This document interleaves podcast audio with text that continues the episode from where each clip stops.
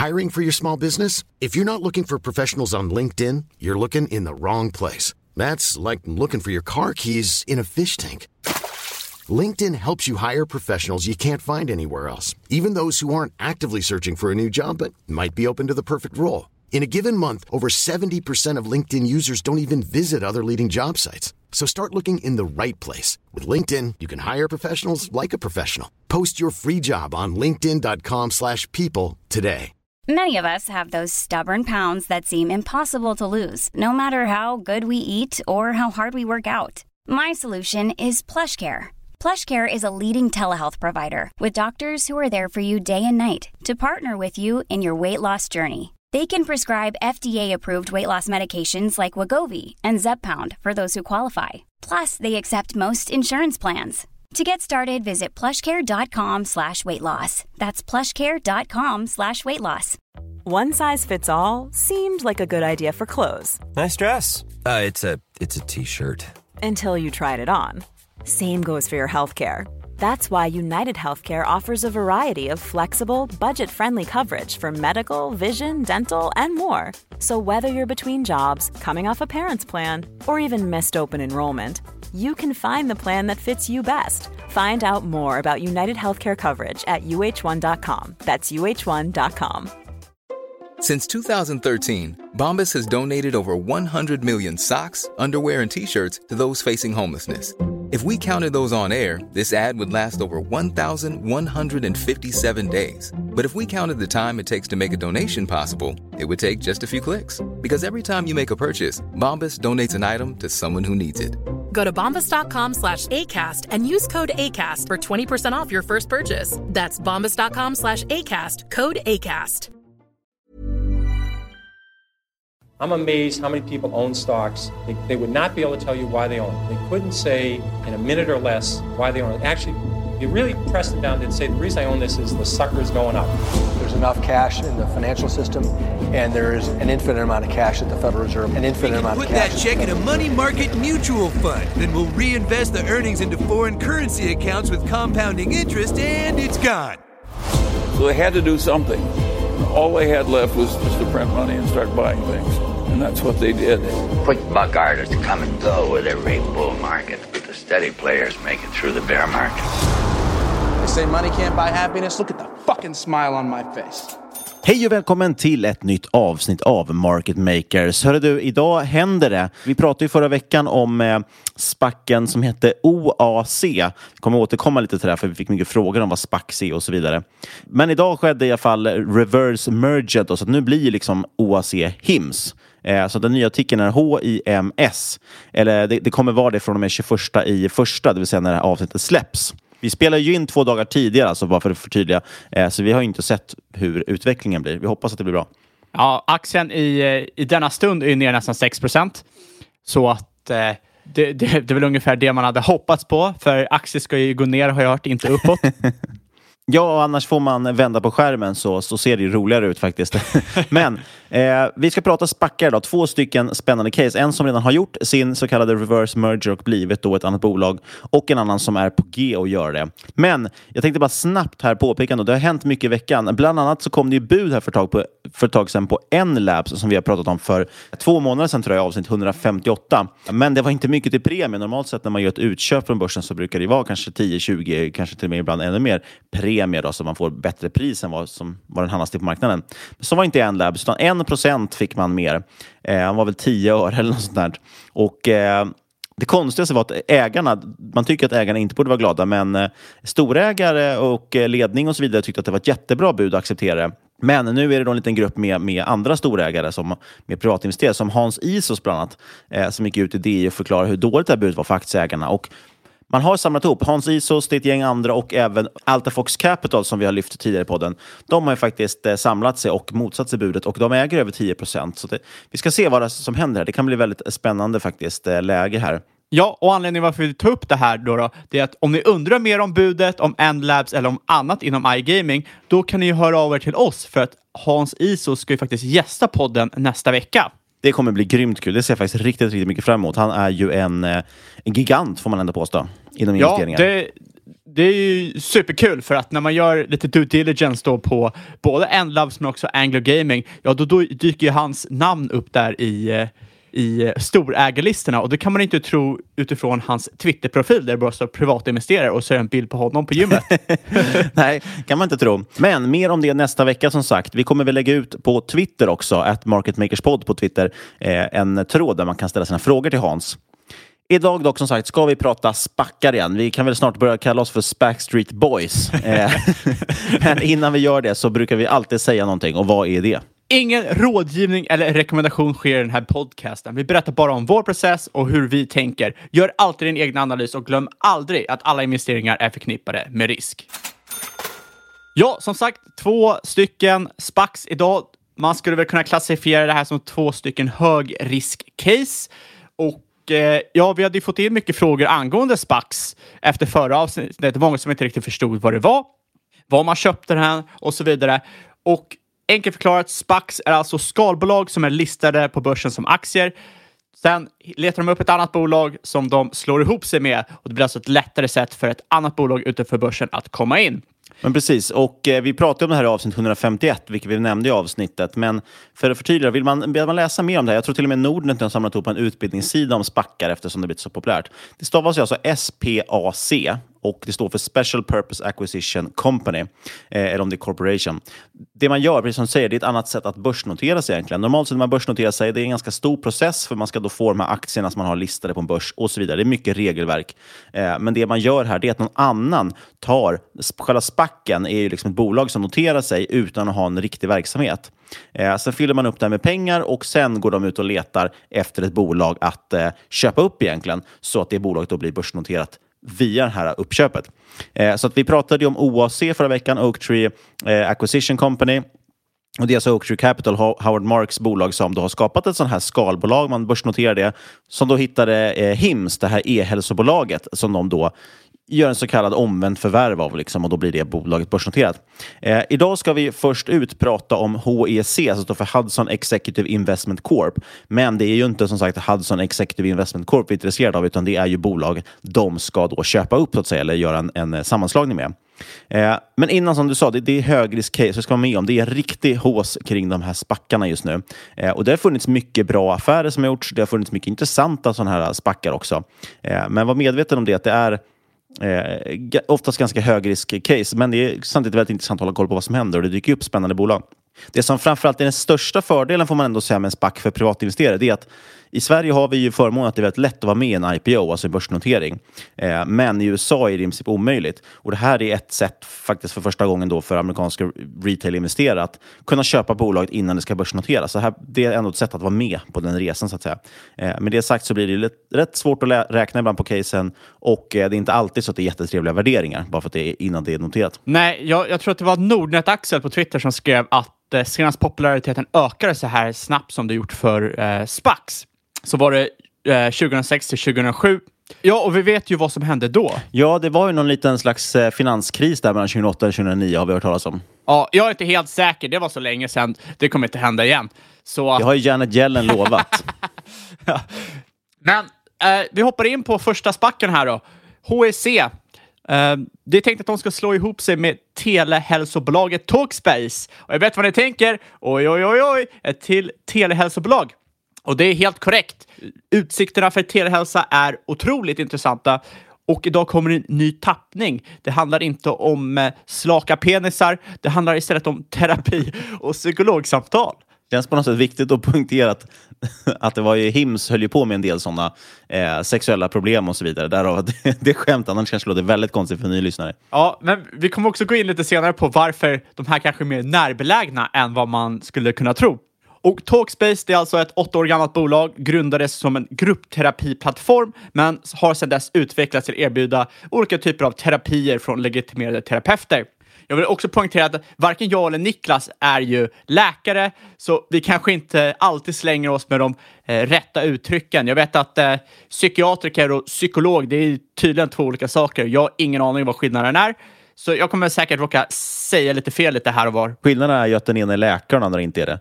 Eh, Du har ju oftast en, en kombination av psykiatri, alltså läkarvård och medicinsk vård och eh, psykolog eh, beroende på vad det är för typ av eh, åkommor du har. Nu kan jag bara det svenska systemet, men om man jämför en psykolog har ju en femårig utbildning i Sverige väl och, eh, och sen ska man göra någon form av legitimering och så, men den tror jag kanske man får direkt efter det. Medan en, en läkare läser i fem och ett halvt år och sen så gör man AT-tjänst och sen specialiserar man sig inom psykiatri. Eh, så det blir ju någonstans nästan tio år av Ja, utbildning. helvete. Och ändå känner man piss efteråt. Hur jobbigt? De ska bara köpa spackar istället, har de klarat sig. det är bara att slänga in allt i Spax. Men som sagt, mental ohälsa, tror det eller ej, det är en väldigt intressant möjlighet om du vill känna kosing. Eh, Ett område som utan tvekan är underdiagnoserat samtidigt som man börjar se en minskad stigma kring psykisk ohälsa. Och det här kan ju få allt fler att vilja söka vård. Dessutom så är ju psykisk ohälsa utan tvekan accelererat av covid. Det är alltså en covid-trend och det är ju bullish. Cirka 70 miljoner amerikaner lider av någon typ av mental sjukdom. Och det här är alltså spritt över alla etniciteter, alla socioekonomiska förhållanden, alla åldrar. Så det är verkligen alla som drabbas av det här, inte bara någon speciell grupp, inga så här snöflingor eller vad många gillar att eh, eh, kalla det, som inte själva har lidit av psykisk ohälsa. Det är faktiskt så att eh, 17 miljoner vuxna amerikaner har haft minst en major depressive episode, som det heter, det vill säga tung depression, bara senaste året. Och det är alltså cirka 5 procent av befolkningen. I USA har man också sett en 30-procentig ökning i självmord sedan 2001. Ja, och det låter ju då som att eh, man gottar sig i psykisk ohälsa, men det man snarare handlar om är ju att det här är faktiskt ett bolag som kan göra skillnad. Absolut. Eh, bara en sån sak. Alltså, eh, om du tänker själv, nu har inte alla genomgått en depression kanske, men när man är i, i liksom mörka sidan depression så är det inte då det är så himla lätt att söka hjälp. Men genom att liksom erbjuda i telefon direkt eller i, via över internet så är det otroligt mycket enklare att få folk faktiskt att komma in till vård också. Eh, eftersom de inte måste ringa, boka en tid, vänta in att de får den här tiden och sen ska de gå dit och så vidare. Eh, så att det, är, det är ett bra sätt att kunna få det här snabbare. Så det, det är en positiv utveckling som det här bolaget bidrar till. Ja, jag håller med. Tröskeln är ju så mycket mindre. Det finns en del kritik mot appar som Talkspace och andra telehälsobolag som erbjuder terapi, att det inte är tillräckligt bra form av terapi, att det inte är optimalt.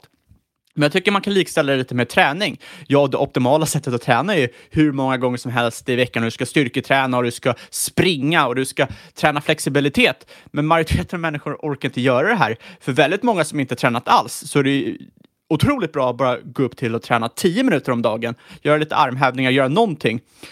Och det är ju lite samma sak med det här. Eh, om du aldrig tar steget att gå till en psykolog i person, men kanske överväger den här typen av tjänst där tröskeln och skammen är så mycket lägre, då är det ju en win-win för samhället. Man pratar ju om att eh, det bästa sparandet är det som blir av och den bästa träningen är det som blir av och den bästa psykiska vården är väl också den som blir av. Utan tvekan, utan tvekan. Speciellt i ett sådant här område som är så stigmatiserat fortfarande. Och det är bara de mänskliga problemen. Sen har vi ju eh, massor med finansiella problem som är relaterade till psykisk ohälsa.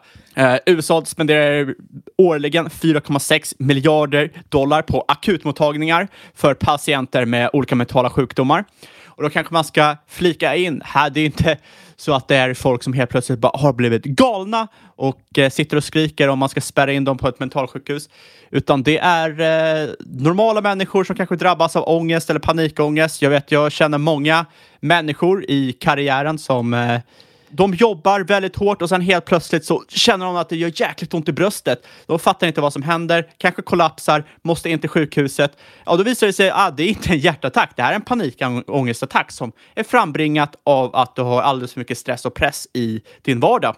Och det är helt enkelt, det är inte många som vet om att det kan visa sig på fysiska sätt. Och då åker de in till akuten, kostar väldigt mycket eh, pengar för samhället. Och, ja, och, och tar du USA dessutom så kan det kosta mycket pengar för personen. Ja, Eh, det är väldigt tvekan. vanligt dessutom med depressioner just i samband med eh, arbetslöshet och sådana saker, vilket gör att du kanske har ännu mindre pengar och möjlighet att betala för vården. Absolut. 192 miljarder eh, försvinner i form av produktivitet och lön just på grund av mental ohälsa i USA eh, varje år. Så det är utan tvekan. Och det här är bara det man räknar på. Det är inte alls de som fall through the cracks som man brukar säga, som man inte alls alls bryr sig om. Eh, som sagt, det, det här är ju en otroligt stor, tyvärr växande marknad. Men exakt som vi nämnde i avsnittet om HIMS, och det är lite det som du har gemensamt med HIMS som jag tycker är intressant, är att som Niklas säger, den här, eh, när det är ett stigmatiserat problem där folk inte vill söka sig eh, fysiskt och kanske dra sig för att träffa någon fysiskt för att det blir för intimt. Ja, och här kan det ju till och med ibland vara en, en kanske en, en omöjlighet också.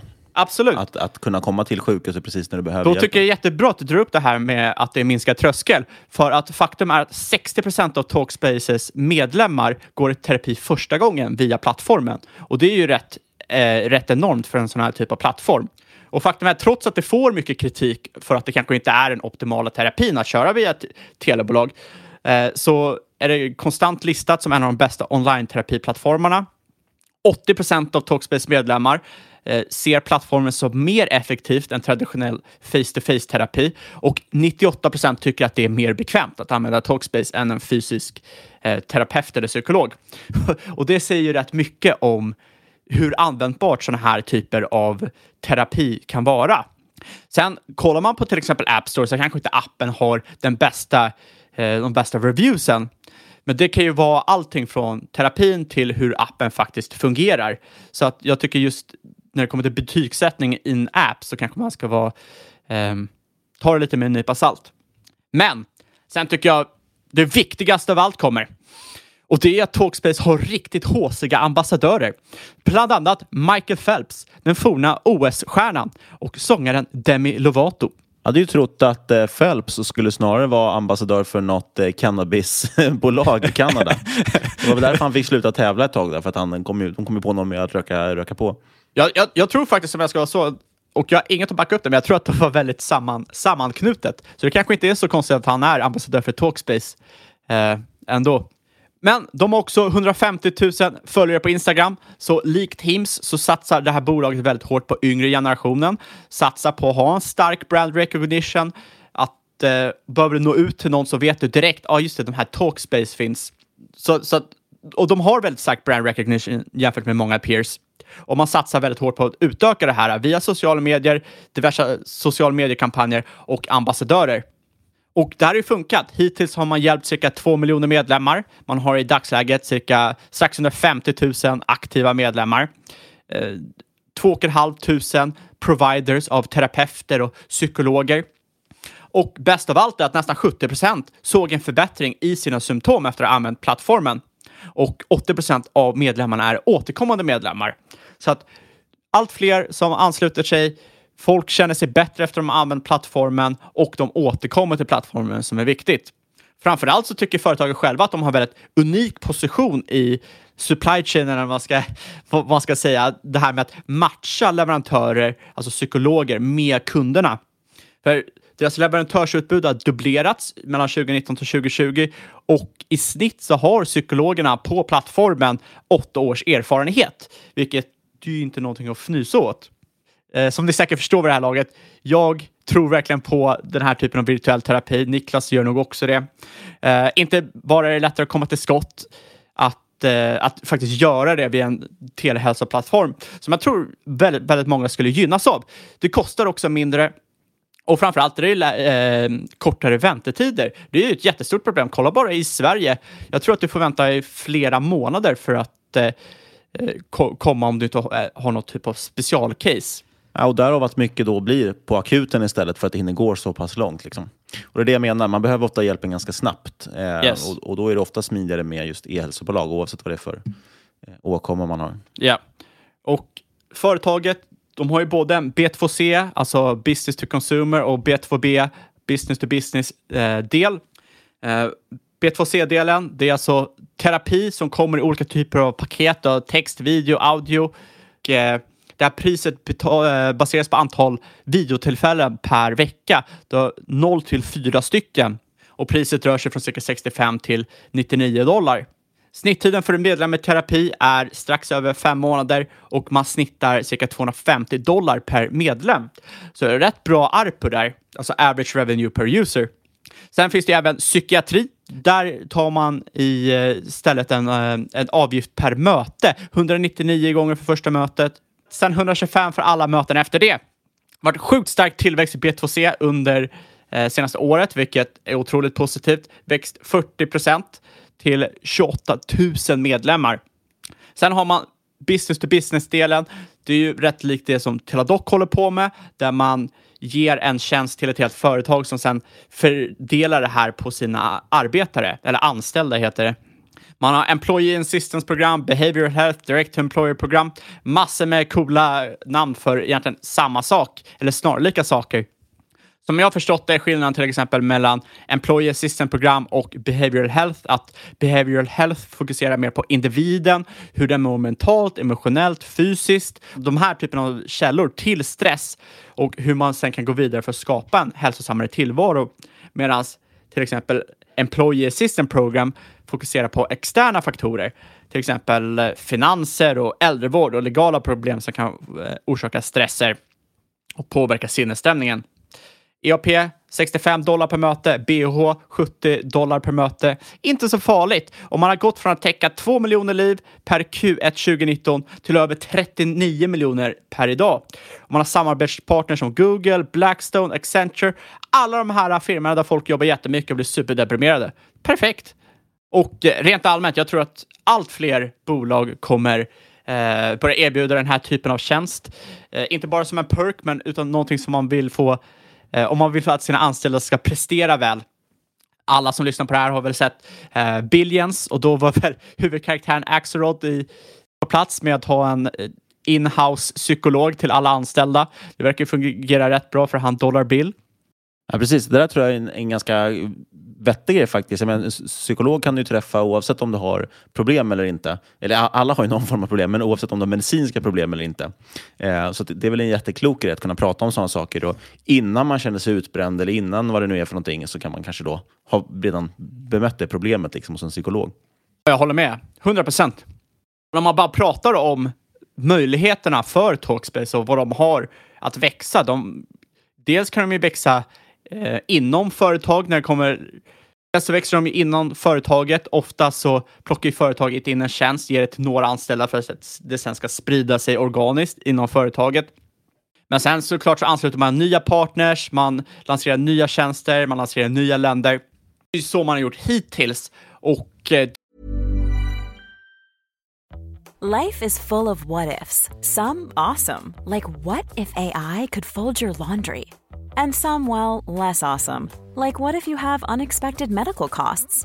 United Healthcare can help get you covered with Health Protector Guard fixed indemnity insurance plans. They supplement your primary plan to help you manage out of pocket costs. No deductibles, no enrollment periods, and especially no more what ifs. Visit uh1.com to find the Health Protector Guard plan for you. Hey Dave. Yeah, Randy. Since we founded Bombus, we've always said our socks, underwear, and t shirts are super soft. Any new ideas? Maybe sublimely soft. Or disgustingly cozy. Wait, what? I got it. Bombus. Absurdly comfortable essentials for yourself and for those facing homelessness. Because one purchased equals one donated. Wow, did we just write an ad? Yes. Bombas. Big comfort for everyone. Go to bombas.com slash ACAST and use code ACAST for 20% off your first purchase. Hiring for your small business? If you're not looking for professionals on LinkedIn, you're looking in the wrong place. That's like looking for your car keys in a fish tank. LinkedIn helps you hire professionals you can't find anywhere else, even those who aren't actively searching for a new job but might be open to the perfect role. In a given month, over 70% of LinkedIn users don't even visit other leading job sites. So start looking in the right place. With LinkedIn, you can hire professionals like a professional. Post your free job on linkedin.com slash people today. Quality sleep is essential. That's why the Sleep Number smart bed is designed for your ever-evolving sleep needs. Need a bed that's firmer or softer on either side? Helps you sleep at a comfortable temperature? Sleep Number smart beds let you individualize your comfort so you sleep better together. JD Power ranks Sleep Number number 1 in customer satisfaction with mattresses purchased in-store. And now, save 50% on the Sleep Number limited edition smart bed for a limited time. For JD Power 2023 award information, visit jdpower.com/awards. Only at a Sleep Number store or sleepnumber.com. Many of us have those stubborn pounds that seem impossible to lose, no matter how good we eat or how hard we work out. My solution is PlushCare. PlushCare is a leading telehealth provider with doctors who are there for you day and night to partner with you in your weight loss journey. They can prescribe FDA-approved weight loss medications like Wagovi and Zeppound for those who qualify. Plus, they accept most insurance plans. To get started, visit plushcare.com slash weight loss. That's plushcare.com slash weight loss. Det ser man ju på tillväxten. Talkspace har växt 94 procent under 2020. Eh, man har ett 60-procentigt kaggar sedan 2017. Eh, företaget förväntar sig att växa typ lika mycket fram till 2023. Bruttomarginalen har gått från cirka 50 procent 2017 till 63 procent 2020 och bruttovinsten har växt med 78 procent i kagger sedan 20- eh, 2017. Så det är Otroligt imponerande, alltså de här marginalerna, även på HIMS. Jag, jag, jag förstår inte riktigt hur man får till sådana bra marginaler på, på den här typen av produkt. Man brukar ju prata om att en anledning till att ett bolag inte kan ha en helt dominerande ställning i all oändlighet, eh, det är ju för att någon gång kommer någon se att det här är tillräckligt lukrativt eh, och då kommer man gå in och konkurrera och prispressa. Eh, det är supervettigt om, om du ser att någon håller på att göra en eh, eh, liksom en läskedryck till exempel, eller en typ av stål eller vad som helst. Eh, och sen så, om du listar ut hur man gör den då, det är ju det som är svåra kanske ibland, eh, så kommer du vilja erbjuda samma sak till ett bättre pris och konkurrera. Eh, och på det sättet får man alltid den här marginalpressen till slut. Sen kan man ju ha en så pass stark vallgrad att det ändå funkar eh, och att du fortsätter ha bra marginaler. Där är Evolution och lite andra bolag har varit intressanta exempel på det. Eh, men ja, det tror jag är en risk man ska ta med sig i alla de här bolagen. E-hälsa rent tekniskt tror jag inte är så svårt att sätta upp. Sen tror jag att det finns en enorm nätverkseffekt och att folk känner till märket och så vidare. Det- Och erbjuder man tillräckligt bra priser, då kommer folk kanske inte gå till andra alternativ ändå. Jo, jag håller med.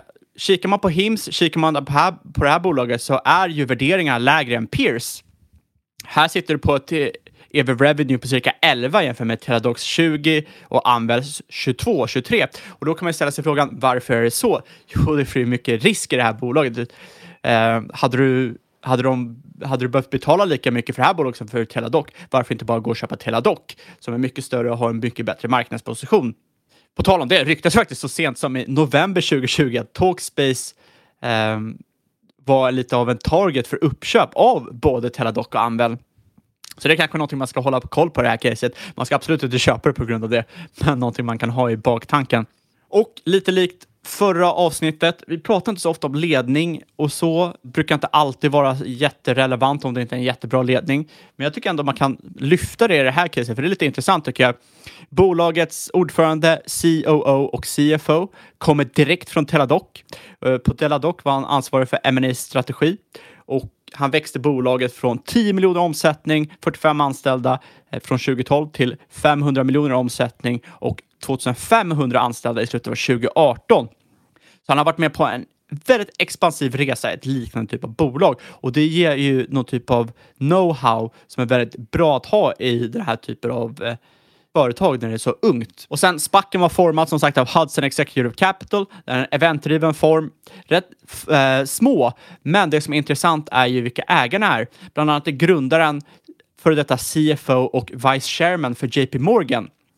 Och innan det så var han eh, Head of deras Americas Investment Banking-avdelning där han haft 35 års erfarenhet av M&A bland annat för några av USAs största healthcare-transaktioner. Så att man ser mycket kunskap i ledningen, vilket är otroligt trevligt. Ska poängtera att efter reverse mergen så kommer bolaget börja trada under ticken TALK, alltså T-A-L-K. Det här förväntas hända i Q1 eller tidigt Q2. Men nu tradade den som sagt under HEC fram tills dess. Väldigt intressant eh, bolag faktiskt. Tyvärr, då, så att det, är, det är ett växande problem det här, men jag tror att de kan göra en väldigt stor gärning genom att göra det här mer lättillgängligt. Alltså, kring, att prata kring mental ohälsa. Eh, sen tycker jag dessutom, vilket vi var inne på, att bolaget har en jättestark tillväxt och kan man upprätthålla någon form av tillväxt i den, de krokarna så är det en helt vettig värdering faktiskt. Dessutom är det också lite skönt för att eh, Hims, då, den gick ju upp så extremt mycket där i början. Eh, det har inte riktigt den här gjort än, så det kan ju också finnas lite krut kvar kanske i själva spacken också, om man har tur. Ja, Spacken kom ut på marknaden förra torsdagen så den har inte varit eh, noterad särskilt länge heller. Så att eh, äntligen tidiga på bollen. Men på tal om SPAX, är man intresserad av SPAX eh, så kan man gott följa Stocktrap, alltså stock trap och JGS ventures på Twitter. Här Är två grabbar som kommer med många fina SPAC-case. Eh, jag själv personligen tagit många av deras case in i portföljen. Skyllde dem en bira eller två, kanske lite oxfilé.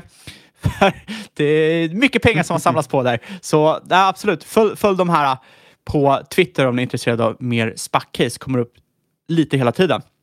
Det finns ju också ett äh, gäng faktiskt. Om man söker lite på spackar så kommer det upp ett gäng också som är specialiserade på enbart spackar.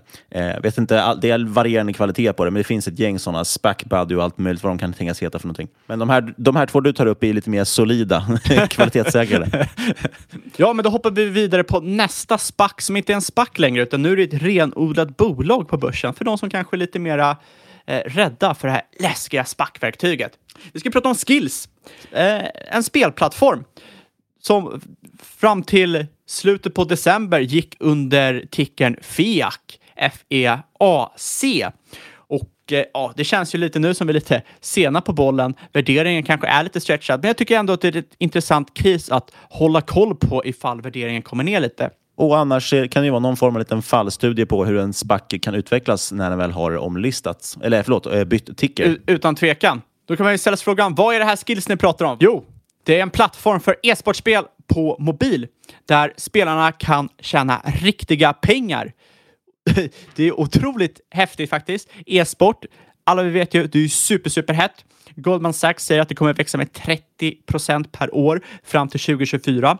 Så de har ju marknaden med sig. Och framförallt så har de ju mobilerna med sig, för mobilen är ju den största konsolen för spel nu för tiden. Skills, inte heller särskilt gammalt bolag, grundades 2012 och Skills, de skapar faktiskt inte de här spelen själva, utan spelen görs av externa partners, eh, utvecklare som använder Skills-plattformen för att integrera e-sporttjänster i sitt mobil mobilspel för både iOS och Android. Och eh, utveckla, använder de här uh, utvecklingsverktygen för att skapa turneringar via Skills och sen kan spelare logga in i spelet och köra mot varandra. Så de tillhandahåller alla de här funktionaliteterna du behöver för att ett eh, e-sportspel ska kunna fungera som annars är väldigt svårt för en liten studio eller kanske en soloskapare att få in. Eh, player matching som är baserat på skillnivå, för du kan inte bara slänga in nybörjare med folk som har spelat spel väldigt länge. Du har anti-cheat, du har content discover och så vidare. Så väldigt många funktioner som helt plötsligt blir eh, tillgängliga för mobilskapare som vill göra e-sportspel kanske inte en klockren liknelse, men eh, det finns ändå vissa paralleller mot det här med API-ekonomin som vi pratade om i något avsnitt.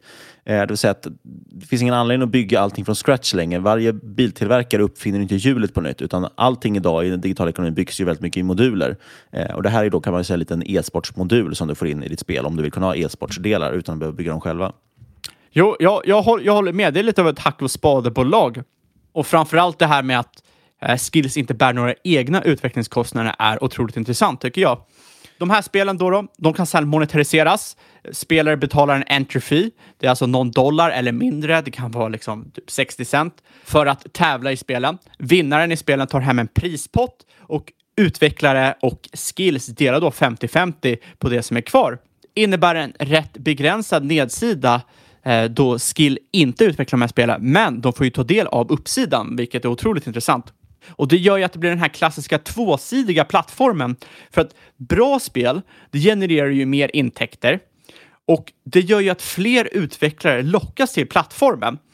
Uh, och de här utvecklarna kommer ju antagligen kunna skapa fler bra spel och det här kommer ju locka fler spelare till plattformen som kan spendera mer på plattformen och så vidare. Och det blir en perfekt så kallad flywheel som håller, håller igång och spinnar. Och sen kan man ställa sig frågan varför sån här typ av spelplattform intressant? Jo, det är USA-baserat. Och vad är reglerat eller olagligt i många delstater i USA? Majoriteten av delstater i USA? Jo, gambling. Jättehårda gamblingrestriktioner i USA. Det vet ju ni om ni har lyssnat på våra iGaming-avsnitt. Visst, det håller på att luckras upp en del, men det kommer nog ta rätt lång tid innan det är helt avreglerat, om det någonsin blir helt avreglerat. Det man ska kommentera här är att regleringarna, det gäller ju för traditionell gambling. Det är alltså slumpmässiga eller turbaserade spel. Att liksom lägga bets på skicklighet, det är avreglerat i majoriteten, typ 40 delstater. Så det är ett helt annat typ av spel. Men för att kunna operera ett så här typ av spel så krävs det att man ansöker och visar att den betting man gör inte är turbaserad utan skicklighetsbaserad. Och det här är tydligen sjukt svårt att göra i verkligheten. Eh, Amazon har försökt, de har inte klarat det. Jag tror det är 30-40 andra bolag som har försökt, de har inte klarat det. Så det är extremt svårt att visa att ett spel är skicklighetsbaserat och inte turbaserat. Och det här är ju någon typ av vallgrav till plattform. Eh, jag tycker det är kul. Går man in på skills.com eh, tror att det är skills.com. Det kan vara en annan adress också. Deras hemsida i alla fall. Och skills med Z kan vara värt att tillägga också. Skills med Z, exakt. Det måste vara häftigt, det måste vara ballt, det måste locka eh, gamers. Men kikar man på de här spelen som erbjuds via plattformen så är de inte så upp, uh, upphetsande. Ser man ett här spel, då, då är det dags att ringa Hims. För de här, de, här spelen, de här spelen påminner om de påminner om spel som var heta när smartphones precis blev en grej. Då, då liksom, det, är inte, det är inte CS du sitter och spelar, det är inte någon cool Battlefield. Det är liksom, ja, skjut ner de här bubblorna. Men det verkar inte vara något problem egentligen om man kollar på hur populärt Candy Crush är och har varit och hur länge det har varit. Och eh, spelarna verkar faktiskt tycka om de här spelen. Det verkar vara väldigt uppskattat. Och det här syns framförallt om man kollar speltiden på plattformen. Snitttiden som användaren lägger per dag på skills är 62 minuter. Det här är dubbla industrisnittet för gaming och faktiskt i linje med social medieplattformar. Och, och det här är väl den stora risken, då, det man ska ta med sig. att Precis som du var inne på förut, man får ju nätverkseffekt eller flywheel liksom av att har man in bra spel och mycket spelare så kommer fler lockas dit och så vidare. och så vidare. Är, man behöver den här nätverkseffekten, det här momentumet. Eh, det har ju funnits lite liknande typer av sådana här plattformar i Sverige bland annat och, och andra ställen eh, där man har sett att de har misslyckats totalt just för att de inte får någon, eh, någon de får inte ingen snurr på det, de får inte in några bra spel och därmed får de inte in några bra spelare eh, och sen så får man inte ordning på det. Så man ska verkligen granska siffrorna i den här typen av bolag. Det, jag tror inte man Utan kan gå på magkänsla alltid, men granskar man siffrorna kan man se tydligt. Får de faktiskt in spelare? Får de in pengar och så vidare? Eh, men det är där stora risken ligger. Absolut, och eh, en risk var ju faktiskt, och som man måste hålla koll på, det är att mellan Q1 och Q2 2020 så var tillväxten för spelare flat för bolaget. Det här är någonting man måste hålla koll på, för det här kommer ju make or breaka företaget om det fortsätter att trenda så. Däremot samtidigt så ökade average revenue per user under samma period med cirka 40 procent. Så de lyckades ju faktiskt kräma ut mer pengar per spelare, eh, vilket det är ju rätt imponerande faktiskt. Jag kan, kan ju snabbt notera att average revenue per user ligger på cirka eh, 6,5 dollar per användare. Och det här är faktiskt bättre än många sociala medieplattformar. Jag tror att det är, nästan tre gånger så högt som Snapchat till exempel. Eh, och man har cirka 2,7 miljoner spelare som klassas som monthly active users och 20 000 utvecklare. Så det blir ju lite likt Roblox på det sättet faktiskt. Att du har en plattform där utvecklare kan ta hjälp av för att utveckla sina spel. Men också likt Roblox så kommer den här typen av plattform och egentligen alla typer av spelplattformar ha en lång svans där några få spel drar in majoriteten av spelare och intäkter. Eh, spel som är skapade på skills som till exempel Domino's Gold och Solitaire Cube. De har extremt höga ratings, extremt många ratings, så spelarna älskar ju verkligen de här användare spelare otroligt mycket. Sen tycker jag också man ska notera att man, man går inte nödvändigtvis via Skills egna app, utan det finns standalone appar för de här spelen. Så att du hoppar helt enkelt till olika spel som du vill spela och när du gör det så förs din cash balance med till de olika apparna. Så det är helt friktionsfritt att först sitta och lägga bets på ett spel för att sen gå och lägga bets i ett annat spel, vilket jag tycker är otroligt ballt. Men som sagt, det går rätt bra för det här bolaget. Många spelare. Skills körde 500 miljoner turneringar endast i Q2 2020 och cirka 2 miljarder för hela 2020. Man kör alltså över 3,5 miljon turneringar om dagen och av det här distribuerar man cirka 60 miljoner dollar i priser varje månad. Det är faktiskt väldigt, väldigt, väldigt ballt att de har fått den här typen av snurr på det här bolaget. De får in så pass mycket pengar och de kan skicka ut så mycket pengar också. Men som sagt så kör man en royalty-modell. Eh, Q3 2020 så var intäkter upp 92 procent year on year. Jag får det här till ett, eh, att bolaget har ett PS på cirka 50, vilket låter rätt dyrt för den här åldern på bolaget. Jag kan ha räknat fel, för jag räknade det i huvudet, så dubbelkolla gärna detta. Men det jag verkligen vill trycka på också är att Skills har en helt sjuk bruttomarginal. Bruttomarginalen ligger på 95 procent. Och jag vet inte om jag har Hyfsat. sett det något, ja, jag vet inte om jag har sett det något annat bolag. Och Eh, de, där är ju för att de inte har någon kostnad för spelutvecklingen. Eh, bolaget, de är ju inte lönsamma idag. Eh, framförallt för de lägger väldigt mycket pengar på just tillväxt. De har ju till exempel ökat sin post i sales and marketing med 150 procent year on year. Men long term, och det här är väl kanske det som är viktigast för de som investerar i sådana här typen av high risk case, det är att man ska kunna behålla den här sjukt höga bruttomarginalen. Man ska kunna öka take rate till 20 procent av alltså totala pengar som kommer in. Och så vill man nå ebitda-marginaler på 30 procent. Och man satsar faktiskt på att så kallat ebitda-lönsamma till 2020, vilket är positivt i alla fall. Nu har inte liksom årsrapporten för 2020 kommit ut än, så förhoppningsvis så visar den här typen av lönsamhet och det är otroligt positivt. Men jag tycker man ändå man ska påpeka att nettoförlusten uppgick till minus 42 miljoner per senaste kvartal. Det är alltså upp från minus 5 miljoner året innan. Så de har ju verkligen liksom ökat sin burn rate något otroligt. Däremot så har de nästan 60 miljoner i kassa och inga långfristiga skulder, så de har ändå lite marginal där. Ja, hur ska man sammanfatta det här caset då?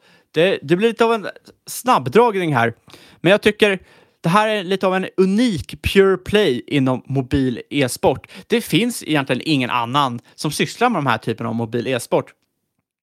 Eh, och man ska också tänka på att det här är ett alternativ till ren gambling som du kan ha i, i en till exempel iGaming-portfölj.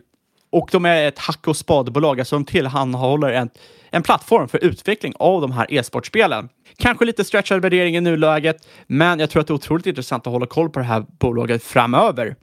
Och kan notera, det här är absolut inte någon köprekommendation, men de fick precis en buy rating och target price på 32 dollar från Canaccord. Ja, det jag har lite svårt för med bolaget det är ju att eh, jag, jag kan tänka mig att mycket passiva pengar, så tematiska ETF och sånt kanske flödar in i det här. Eh, och många andra som vill ha liksom, någon form av e-sportskandidat. Eh, men man, jag vet inte, det, det, den här typen av e-sport är väldigt långt bort från eh, vad ska jag säga, PubG eller CSGO eller LOL eller någonting. Eh, så, det är något annat. Det är som du säger, det är litet också ett alternativ till gambling och så vidare. Så att, ja, man får nog titta på det här bolaget själv om man inte gillar det. Men eh, det är lite speciell spelare, men det är också en jäkligt cool resa de har gjort och eh, som du säger, otroliga marginaler. Och förhoppningsvis kommer det med stor sannolikhet också bli lönsamt på sikt. Absolut. Och jag, men jag, jag tror det är viktigt att man inte ska missta att det är mobil e-sport som att det är sämre e-sport. Det visar ju sig att det är väldigt många som föredrar att spela mobilspel, men samtidigt vill ha någon typ av tävlingsbaserat spel. De vill köra mot andra riktiga spelare. Absolut, och jag säger inte att den är sämre, jag säger bara att det är något annat. Det är det absolut, absolut. Eh, så att man inte tror att det bara bundar ihop det med all form av annan e-sport. Nej, alltså in, innan jag hade läst på om det här bolaget så trodde jag att det var en plattform för alla typer av e-sportspel. Så att eh, mina dina tankar om bolaget förändrades väldigt, väldigt mycket när jag väl började läsa på om bolaget. Och det är det jag tror att många, många andra gör också. Många har nog köpt in sig bara för att de tror att det är e-sport. Och det finns en hel del som sagt, tematiska ETFer och sånt som säkert har köpt där bara på e-sportsplayen. Men ja, två stycken intressanta bolag, vilket som. Eh, Skills tycker jag man ska räkna lite grann på, framförallt göra ett prognoser på framtiden om man tror det. Eh, och eh, Talk då, eller eh, HEC som det heter just nu, Spacken. Jävligt intressant bolag som har en, en fin trend också. Som ni hör, Niklas negativ skills, positiv talkspace. ah, det, det lät kanske lite hårt. Dålig sammanfattning av mig kanske. Ja, och eh, med tanke på den eh, sammanfattningen av mig så får vi, så kanske inte förvånar någon att eh, jag har en liten chanspost i HEC. Däremot äger jag ingenting i skills. Ja, jag har lite tvärtom. Nej, jag har inte alls tvärtom. Jag har en jag har inte en chanspost i HEC. Jag har lite större post i HEC, men jag har en liten chanspost i skills. Och det var ju trevligt för nu per idag är det väl upp 8% eller någonting. Du ser du, plus minus noll ungefär. Ja, ungefär. Eh, det ni ska komma ihåg, oavsett vad vi äger eller inte, så är inget du hör i den här podcasten en rådgivning. De här åsikterna är våra egna, eller vår gäst och eventuella sponsorer tar faktiskt inget ansvar för det som sägs i podden. Tänk framförallt på att alla investeringar förknippade med risk och sker under eget ansvar. Så gör din egen analys. Fundera själv varför du köper eller säljer någonting. Ja, du, ni ska ju tänka på att vårt mål här i livet är faktiskt att spränga portföljen på ett så spektakulärt sätt som möjligt. Så om du sparar inför en pension eller något sånt, så gör inte som vi gör. Såg en på Twitter häromdagen som hade råkat skriva fel när han skulle köpa, eh, jag kommer inte ihåg om det var termin nu eller om det var optioner. Eh, han låg ju ett antal miljoner dollar back nu för att han har råkat köpa fel option. Den är hård. Eh, Lite svettig, lite svettig situation kan man tycka. Så han, han drog bort ungefär 75 procent eller någonting av kontot i en trade. Ja, den är jävligt hård. Och om du varit med om någonting liknande, skriv till oss på podcast.marketmakers.se eller på Twitter at marketmakerspod. kan man även skicka frågor till Hans Isos som vi kommer att ta med oss i podden nästa vecka. Lämna gärna en recension på iTunes så att vi får högre betyg och hamnar högre upp på den här rankade listan och kan skryta om det för våra vänner och familj som inte bryr sig. Ja, har Och- vi inte mer än fyra stjärnor så kliver inte jag upp ur sängen på morgonen. Ja, du kliver väl sällan upp ur sängen ändå, så det är väl lugnt. Men det är om- sant faktiskt.